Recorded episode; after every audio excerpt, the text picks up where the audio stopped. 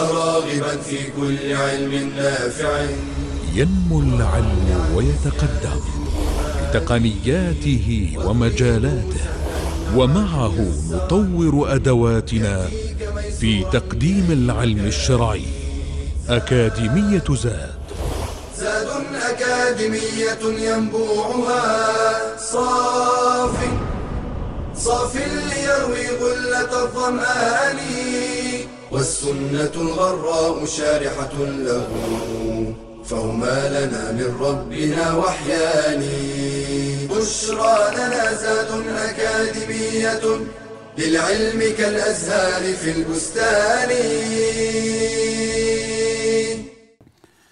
بسم الله الرحمن الرحيم. الحمد لله والصلاة والسلام على رسول الله وعلى آله وصحبه ومن والاه. أما بعد سلام الله عليكم ورحمته وبركاته. حياكم الله وبياكم وجعل الجنة مثوانا ومثواكم. ولقاء يتجدد في قناة زاد في أكاديمية زاد هذه الأكاديمية المباركة ومع مادة الحديث الشريف. ما زلنا أيها الأحبة مع هذا الحديث.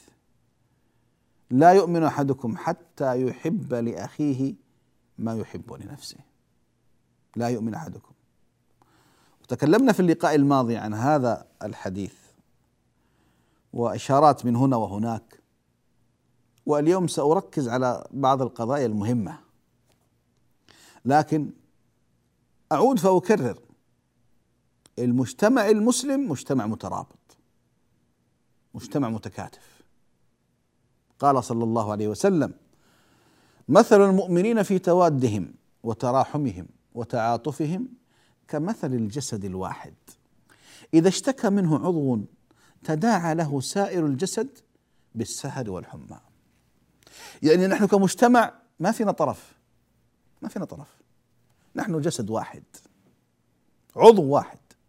يعني أنت لو أصبت ب ب يعني ألم في إصبعك أو في ظفرك أو في سنك أو في أي جزء في جسدك ها الجسد كله ها سيعلن حالة الاستنفار.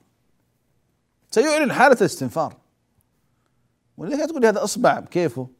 ولا هذا السن من ضمن الأسنان بكيفه؟ لا لا لا. المجتمع جسد واحد. جسد.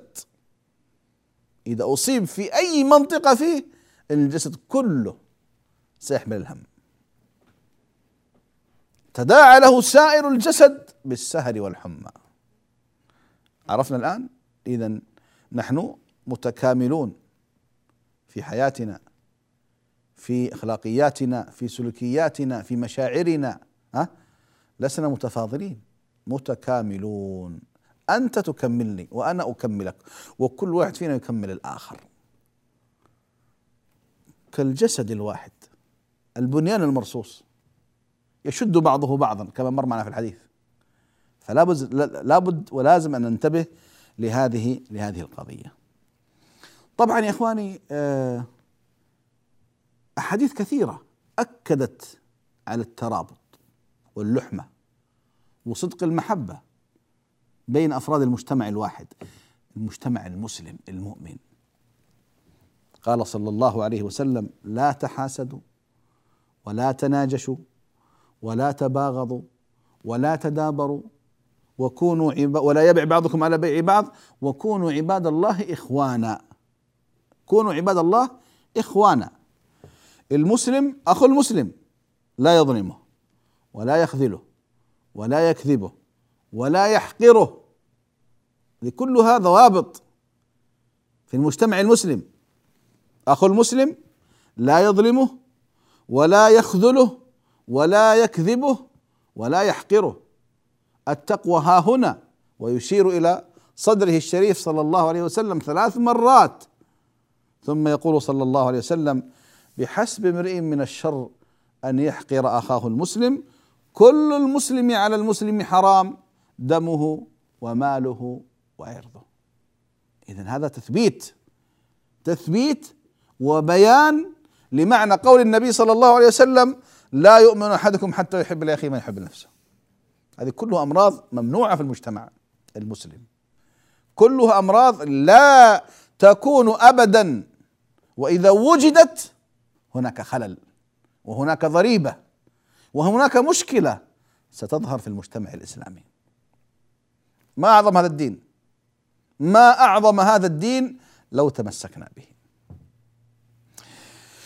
أيها الأحبة الأفاضل هذه بعض المقتضيات مقتضيات الأخوة بيننا.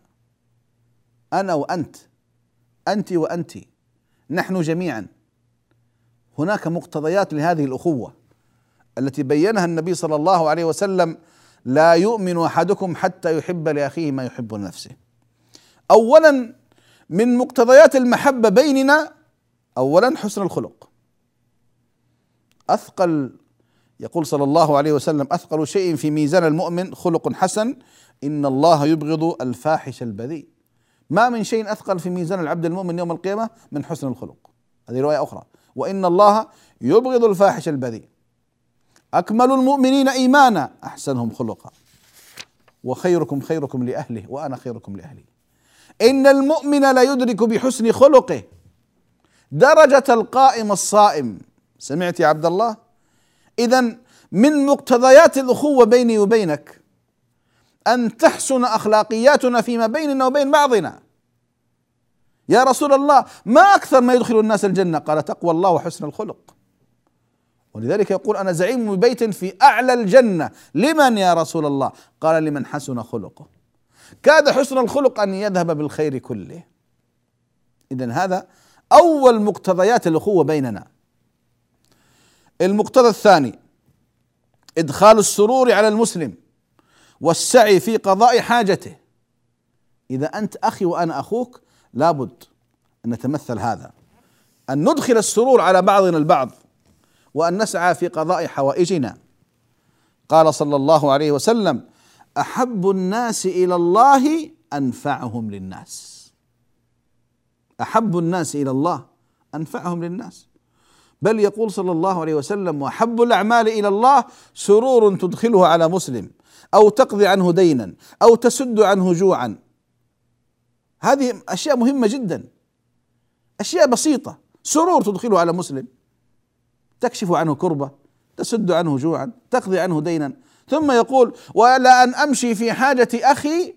المسلم أحب إلي من أن أعتكف في هذا المسجد شهرا. أي مسجد؟ النبوي. الصلاة فيه بألف صلاة. تمشي بس تقضي حالة أخيك المسلم مشوار بسيط. أفضل من أن تعتكف عبادة ذاتية. تعتكف في المسجد النبوي. والمعتكف ماذا يصنع؟ انقطاع عن الدنيا لله عز وجل. لا لا لا. مشوار بسيط بس لقضاء حاجة أخيك المسلم ستجد أجر لا يخطر لك في بال. ولذلك يقول صلى الله عليه وسلم ومن مشى مع أخيه في حاجته في حاجته حتى يثبتها له يقضيها له. ها؟ ثبت الله أقدامه يوم تزل الأقدام يوم الصراط على جهنم. أدق من الشعر وأحد من السيف ومع ذلك نار جهنم تحتك وأنت ثابت. إذا قضايا مهمة جدا جدا يا أحبابي. دائما نتفكر في إيش؟ في النفع المتعدي وأنه عند الله أعظم من النفع القاصر. أيضا من مقتضيات الأخوة بيننا أن نستر بعضنا البعض. تسترني وأسترك. لا تفضحني ولا أفضحك. قال صلى الله عليه وسلم: يا معشر من آمن بلسانه ولم يدخل الإيمان إلى قلبه. لا تغتابوا المسلمين ولا تتبعوا عوراتهم. فإنه من تتبع عورة أخيه المسلم تتبع الله عورته. ومن تتبع الله عورته يفضحه ولو في جوف بيته. وفي الحديث الآخر ومن ستر مسلما ستره الله يوم القيامة. فمن مقتضيات الاخوه بيننا استرني وأسترك. بلاش ما ينشر في اليوتيوب وفي النت وفي غير كذا. فضايح آل فلان وفضايح فلان وفضايح اللاعب الفلاني والفنان الفلاني. ليش الفضايح؟ من ستر مسلما ستره الله في الدنيا والآخرة. فاصل ثم نعود إليكم بإذن الله تعالى. وصلى الله على محمد والحمد لله رب العالمين. بشرى لنا زاد أكاديمية للعلم كالأزهار في البستان.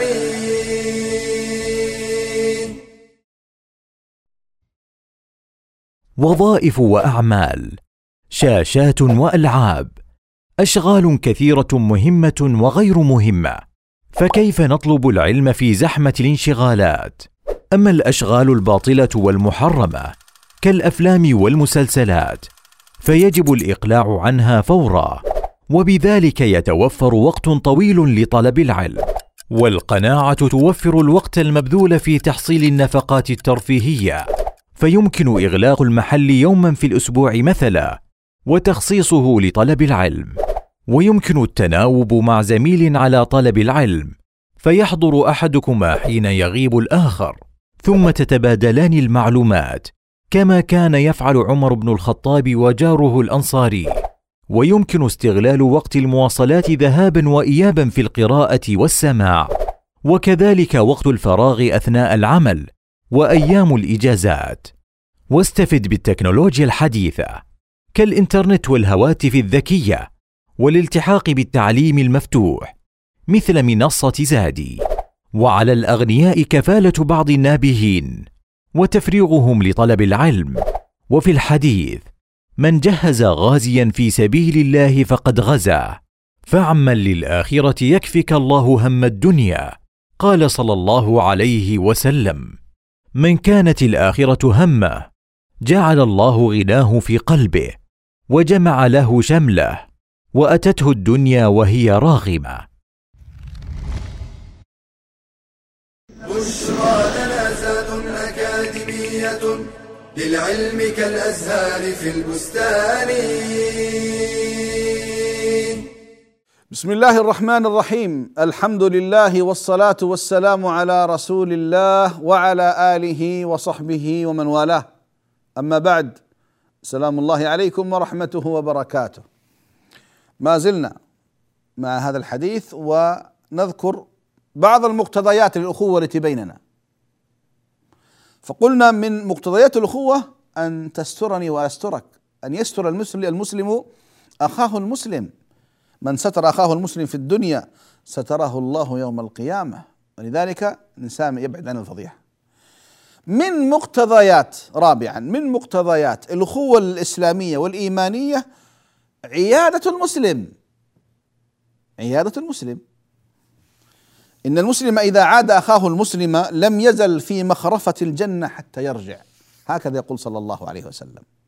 ومن عاد اخا له مشى في خرافة الجنة حتى يجلس. فإذا جلس غمرته الرحمة فإن كان غدوة صلى عليه سبعون ألف ملك حتى يمسي. وإن كان عشيا صلى عليه سبعون ألف ملك حتى يصبح. هل استشعرنا هذا أيها الأحبة؟ يا إخواني في الحديث القدسي الله سبحانه وتعالى يقول يا ابن آدم مرضت فلم تعدني. قال كيف أعودك وأنت رب العالمين؟ قال ما علمت أن عبد فلان مرض فلم تعده؟ أما لو أنك عدته لوجدتني عنده. الله يستزيرك. لو أنك عدت لوجدتني عنده. فمن مقتضيات الأخوة ان نزور المريض والمرضى. هل أنت في غنى في غنى عن سبعين ألف ملك يصلون عليك ويدعون لك ويستغفرون لك؟ والله ما نستغني عن هذه كله يا أخواني. كذلك من مقتضيات الأخوة صون عرض المسلم أن تصون عرض أخاك المسلم. قال صلى الله عليه وسلم ساب المؤمن كالمشرف على الهلكة. ساب المسلم. ليس المؤمن بالطعان ولا اللعان ولا الفاحش ولا البذيء. هذه أساسيات في أخلاقياتنا أيها الأحبة. ليس المسلم لا الطع... ليس المؤمن بالطعان ولا اللعان. ما تطعن في الناس. فلان فيه وفلان فيه وفلانه فيها. لا لا لا هذه ليست من صفة الإيمان. ولا اللعان الذي يلعن ولا الفاحش ولا البذيء. الفاحش فحش الكلام. لا لا لا.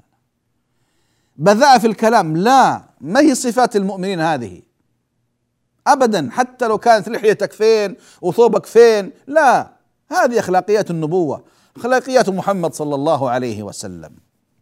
المسلم من سلم المسلمون من لسانه ويده والمؤمن من أمنه الناس على دمائهم وأموالهم.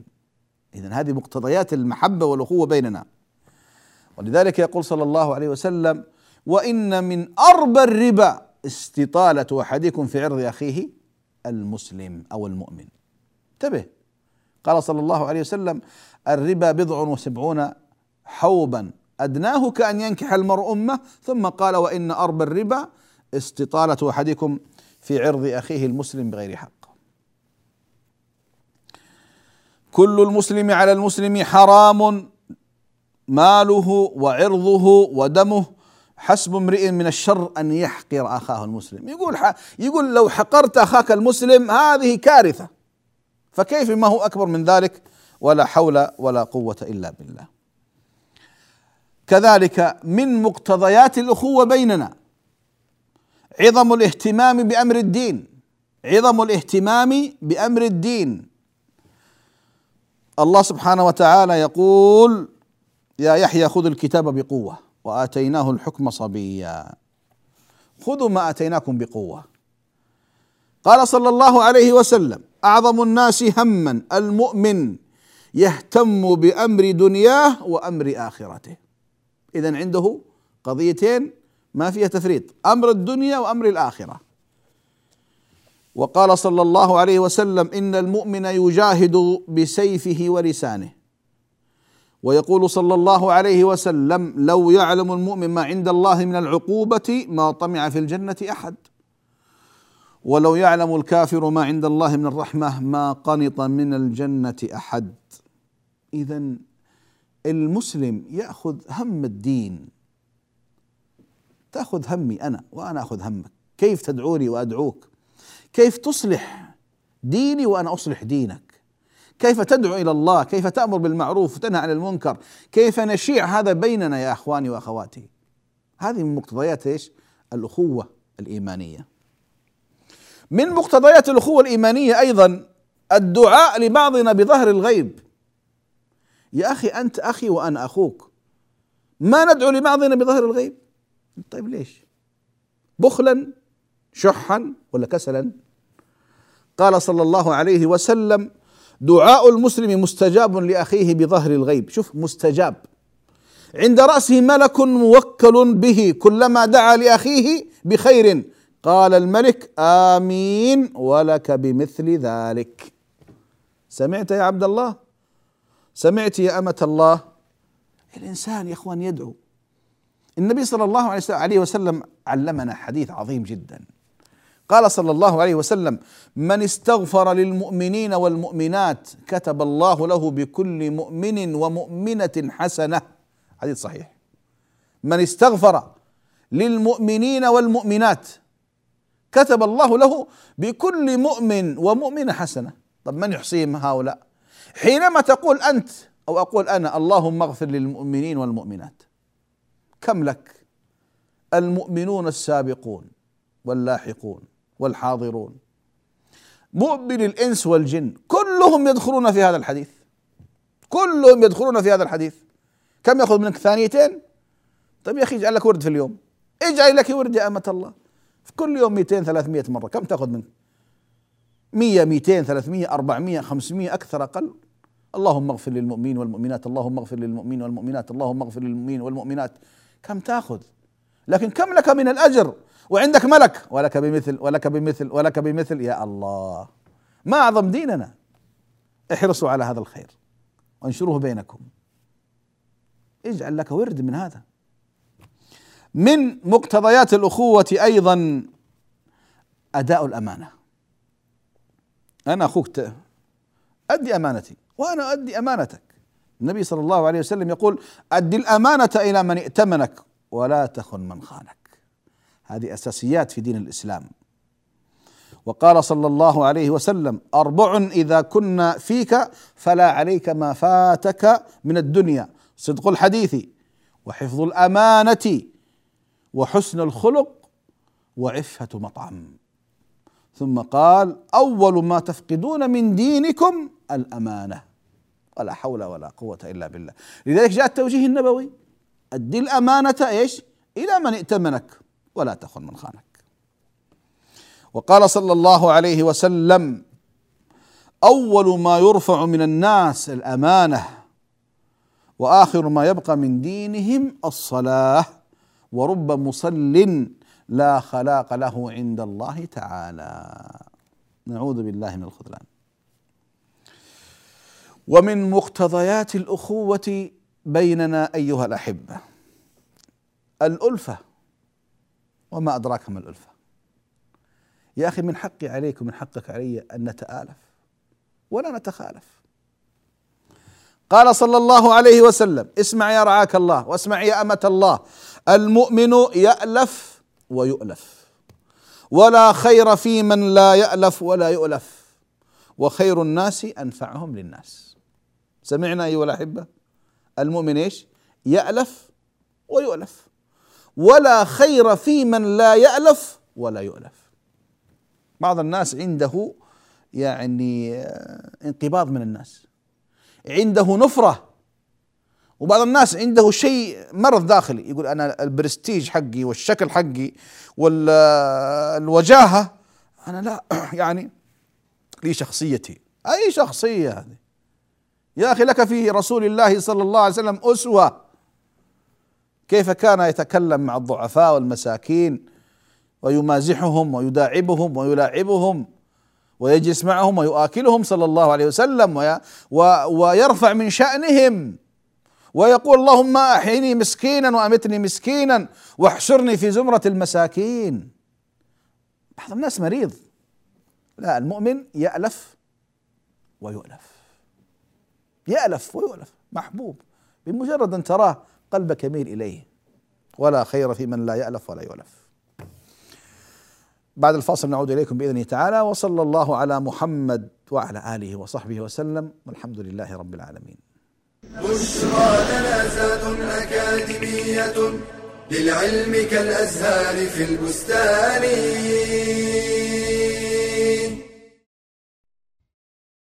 أنيق المنظر. طيب المخبر. مجالسته أنفع مجالسة ومؤانسته أمتع مؤانسة. إنه الكتاب. من خلاله نجالس العلماء والصالحين. قيل لابن المبارك ألا تجلس معنا؟ قال ما أجلس إلا مع الصحابة والتابعين يعني قراءة سيرهم. وقد كان العلماء مشغوفين بالكتب شراء وقراءة. قال ابن الجوزي ما أشبع من مطالعة الكتب وإذا رأيت كتابا لم أرى فكأني وقعت على كنز ولو قلت إني طالعت عشرين ألف مجلد كان أكثر وطالب العلم لا تخلو مكتبته من الكتب الأساسية في شتى العلوم. ففي التفسير مثلا تفسير السعدي وتفسير ابن كثير وفي العقيدة كتاب التوحيد والطحاوية والواسطية مع بعض الشروح. وفي الحديث الكتب الستة مع أهم شروحها. وهكذا بقية العلوم. وقبل الشراء استشر أهل الخبرة ليدلوك على أهم الكتب وأفضل الطبعات. لا سيما ما حققه العلماء الثقات كالألباني وبكر أبي زيد. احرص على التنويع في شراء الكتب ولا تقتصر على فن واحد أو فنين. واعتن بكتب النوازل الفقهية والعقدية ولا تبخل بإعارة الكتاب وحافظ عليه إن استعرت ولا تستكثر ما تنفقه في شراء الكتب. وصدق من قال تلك النفائس لو تباع بوزنها ذهبا لكان البائع المغبونا بشرى للعلم كالأزهار في البستان. بسم الله الرحمن الرحيم. الحمد لله والصلاة والسلام على رسول الله وعلى آله وصحبه ومن والاه. أما بعد سلام الله عليكم ورحمته وبركاته. وما زلنا مع قول النبي صلى الله عليه وسلم لا يؤمن أحدكم حتى يحب لأخيه ما يحب لنفسه. ما زلنا مع مقتضيات الأخوة الأخوة الإسلامية الحقة. من تلك المقتضيات صون مال المسلم. أنت تصون مالي وأنا أصون مالك. بمعنى أنت لا تتسلط على مالي بالخطأ بالحرام وأنا كذلك. بل إذا رأيت من ينتقص أو يسرق أو يؤذي مالك يجب علي وجوبا أن أدافع عن مالك. قال صلى الله عليه وسلم كل المسلم على المسلم حرام ماله وعرضه ودمه. حسب امرئ من الشر أن يحقر أخاه المسلم. الله سبحانه وتعالى ماذا يقول؟ يقول يا أيها الذين آمنوا لا تأكلوا أموالكم بينكم بالباطل إلا أن تكون تجارة عن تراض منكم ولا تقتلوا أنفسكم إن الله كان بكم رحيما. اذا انتبه كل إنسان يحب ماله. فإياك أن تأخذ شيئا من مال أخيك المسلم بغير وجه حق. قال صلى الله عليه وسلم لتؤدن الحقوق يوم القيامة إلى أصحابها حتى إنه ليقاد للشاة الجلحاء من الشاة القرناء. الشاة الجلحاء الشاة القرناء. ابدا حقك تأخذه. وقال صلى الله عليه وسلم من اقتطع حق امرئ مسلم بغير وجه حق فقد أوجب الله له النار وحرم عليه الجنة. فقالوا يا رسول الله ولو كان شيئا يسيرا. قال ولو كان قضيبا من أراك. ما تأخذه. لذلك أيها الأحبة على الإنسان أن يتخلص من حقوق الآخرين ومن أموال الآخرين. حرمة مال المسلم كحرمة دمه. هكذا يقول صلى الله عليه وسلم. حرمة ماله كحرمة دمه. ويقول صلى الله عليه وسلم من حلف على يمين مصبورة كاذبا متعمدا ليقتطع به مال أخيه المسلم فليتبوأ مقعده من النار. انتبهوا انتبهوا. وما أكثر ما تؤخذ أموال الناس بالأيمان الكاذبة ولا حول ولا قوة إلا بالله. المسلم أخو المسلم ولا يحل لمسلم باع من أخيه بيعا فيه عيب إلا بينه له. يعني لا تضحك علي لا تكذب علي. هذه السلعة تبيعني وفيها عيب. ما تكلمني ما تبين لي. ما يجوز لك. هي فهلوة شطارة. لا عند رب العالمين لا ليست كذلك. ليست كذلك. ولذلك الإنسان يحرص. الدين أموال الآخرين ردها. قال صلى الله عليه وسلم نفس المؤمن معلقة بدينه. حتى يقضى عنه. بعض الناس يستدين ولا يرد ذلك ويظنها فهلوة شطارة. ضحكت على فلان. لا لا. لما جاء رجل النبي صلى الله عليه وسلم قال يا رسول الله أرأيت إن قتلت في سبيل الله شهيدا أدخل الجنة؟ قال نعم. فلما ولى قال ردوه إلي. أو قال يغفر لي. قال ردوه لي فلما جاء قال إلا الدين. قاله لي جبريل آنفا. يغفر لك كل شيء إلا دينك. ليش؟ لأنه حق متعلق بالآدميين ليس متعلق برب العالمين. حق الله يسامحك فيه يغفر لك إن شاء الله. لكن حق الآخرين لا. ولذلك يقولون حقوق الله تقوم على المسامحة وحقوق الآدميين تقوم على المشاحة. من مقتضيات الأخوة أيضا أيها الأحبة قال ألا يجنى من ورائه إلا الخير. ألا يجنى من ورائه إلا الخير. قال صلى الله عليه وسلم مثل المؤمن مثل النخلة. ما أخذت منها من شيء نفعك. دائما المؤمن مفتاح خير مغلاق شر. ولا تأخذ منه إلا خير. بل في حديث آخر يقول النبي صلى الله عليه وسلم مثل المؤمن مثل النحلة. النحلة. إن أكلت أكلت طيبا. وإن وضعت وضعت طيبا. وإن وقعت على عود نخر لم تكسره. ومثل المؤمن مثل سبيكة الذهب إن نفخت عليها احمرت وإن وزنت لم تنقص. ذلك يقول الرجال معادن. فلان قال لك ذهب ما ينقص أبدا. وكذلك المؤمن ما تأخذ منه إلا كل خير. ما يضرك أبدا. هذا المؤمن. الأصل في المؤمن لا يضرك البتة. المؤمن للمؤمن كالبنيان يشد بعضه بعضا. ومن مقتضيات الأخوة أيضا أيها الأحبة حسن الجوار. أنت جاري وأنا جارك. إذا إذا أنت مؤمن وأنا مؤمن إذا لابد يكون بيننا حسن الجوار. تحسن إلي وأحسن إليك. إن أخطأت تحملني وإن أخطأت أنت أتحملك. لأن هذا مبدأ مهم جدا. ما زال جبريل يوصيني بالجار حتى ظننت أنه سيورثه. ليس المؤمن الذي لا يأمن جاره بوائقه. وفي حديث آخر ليس المؤمن بالذي يشبع وجاره جائع إلى جنبه. كيف تشبع وجارك جيعان لا. ما تليق بك. قال صلى الله عليه وسلم ثلاث خصال من سعادة المرء المسلم في الدنيا الجار الصالح والمسكن الواسع والمركب الهنيء. هذه من سعادة الإنسان في الدنيا. ومن مقتضيات الأخوة بيننا وحتى في حياتنا كذلك المسارعة إلى التوبة والإنابة. وأيضا نذكر بعضنا البعض. فإذا رأيتني على خطأ ذكرني علمني انصحني وجهني. وأنا كذلك. إذا رأيتك على خطأ أو على أمر أو تقصير أن أسارع في تذكيرك بهذه الأمور وأنبهك وأذكرك وهذه من مقتضيات الأخوة بيننا. وتوبوا إلى الله جميعا أيها المؤمنون لعلكم تفلحون. قال صلى الله عليه وسلم ما من عبد مؤمن إلا وله ذنب يعتاده الفينة بعد الفينة.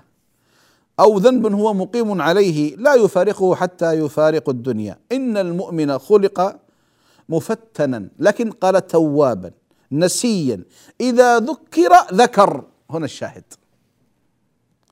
إنسان ينسى لكن التوبة موجودة. إذا ذكر ذكر. ولذلك يا أخي في الله إذا رأيتني على خطأ أو على خلل ذكرني بالله. انصحني علمني. يا أخي هذا من حقي عليك. أنا رأيتني قد وقعت في حفرة. تنقذني ولا تدفني لا يا أخي ادفني ولذلك الرجل الذي زلد على عهد النبي صلى الله عليه وسلم وجاء رجل وسبه وقال لا تعينوا الشيطان على أخيكم. لا تعينوا الشيطان على أخيكم. فإذا من مقتضيات الأخوة بيننا أنك تقف معي. واقف معك. المؤمن لا يكون مغفلا بصراحة. هذه من النهاية. المؤمن لا يكون صح يكون طيب ويألف لكن ما يكون مغفل. قال صلى الله عليه وسلم لا يلدغ لا يلدغ المؤمن من جحر مرتين. يكون إنسان فطن إنسان يفهم لماح ما هو كل إنسان يعني صحيح أنا قد أكون يعني أألف واؤلف لكن ما معنى ذلك أن يكون مغفلا أو غبيا؟ كذلك من مقتضيات من مقتضيات الأخوة بيننا ترك العداء والمقاتلة وشهر الصلاح والتكفير فيما بيننا. يا أخي أنا أخوك وأنت أخي. ولذلك يجب عليك وأنا يجب علي أن نحب بعضنا البعض. قال صلى الله عليه وسلم المسلم من سلم المسلمون من لسانه ويده والمؤمن من أمنه الناس على دمائهم وأموالهم. والمؤمن من أمنه الناس على دمائهم وأموالهم. وقال صلى الله عليه وسلم إذا قال المؤمن أو إذا قال الرجل لأخيه يا كافر فهو كقتله. ولعن المؤمن كقتله. سمعنا يا أحبابي؟ ترى كلها حديث صحيحة.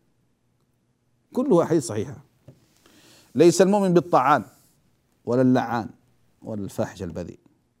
وقال صلى الله عليه وسلم قتل المؤمن أعظم عند الله من زوال الدنيا. لا إله إلا الله.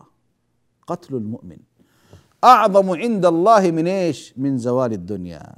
نسأل الله أن يعافينا وإياكم. قتال المسلم كفر وسبابه فسوق ولا يحل لمسلم أن يهجر أخاه فوق ثلاث. إذا هذه من إيش؟ مقتضيات المحبة والأخوة بيننا أيها الأحبة. أقول هذا ساحل أو يقولون بحر لا ساحل له.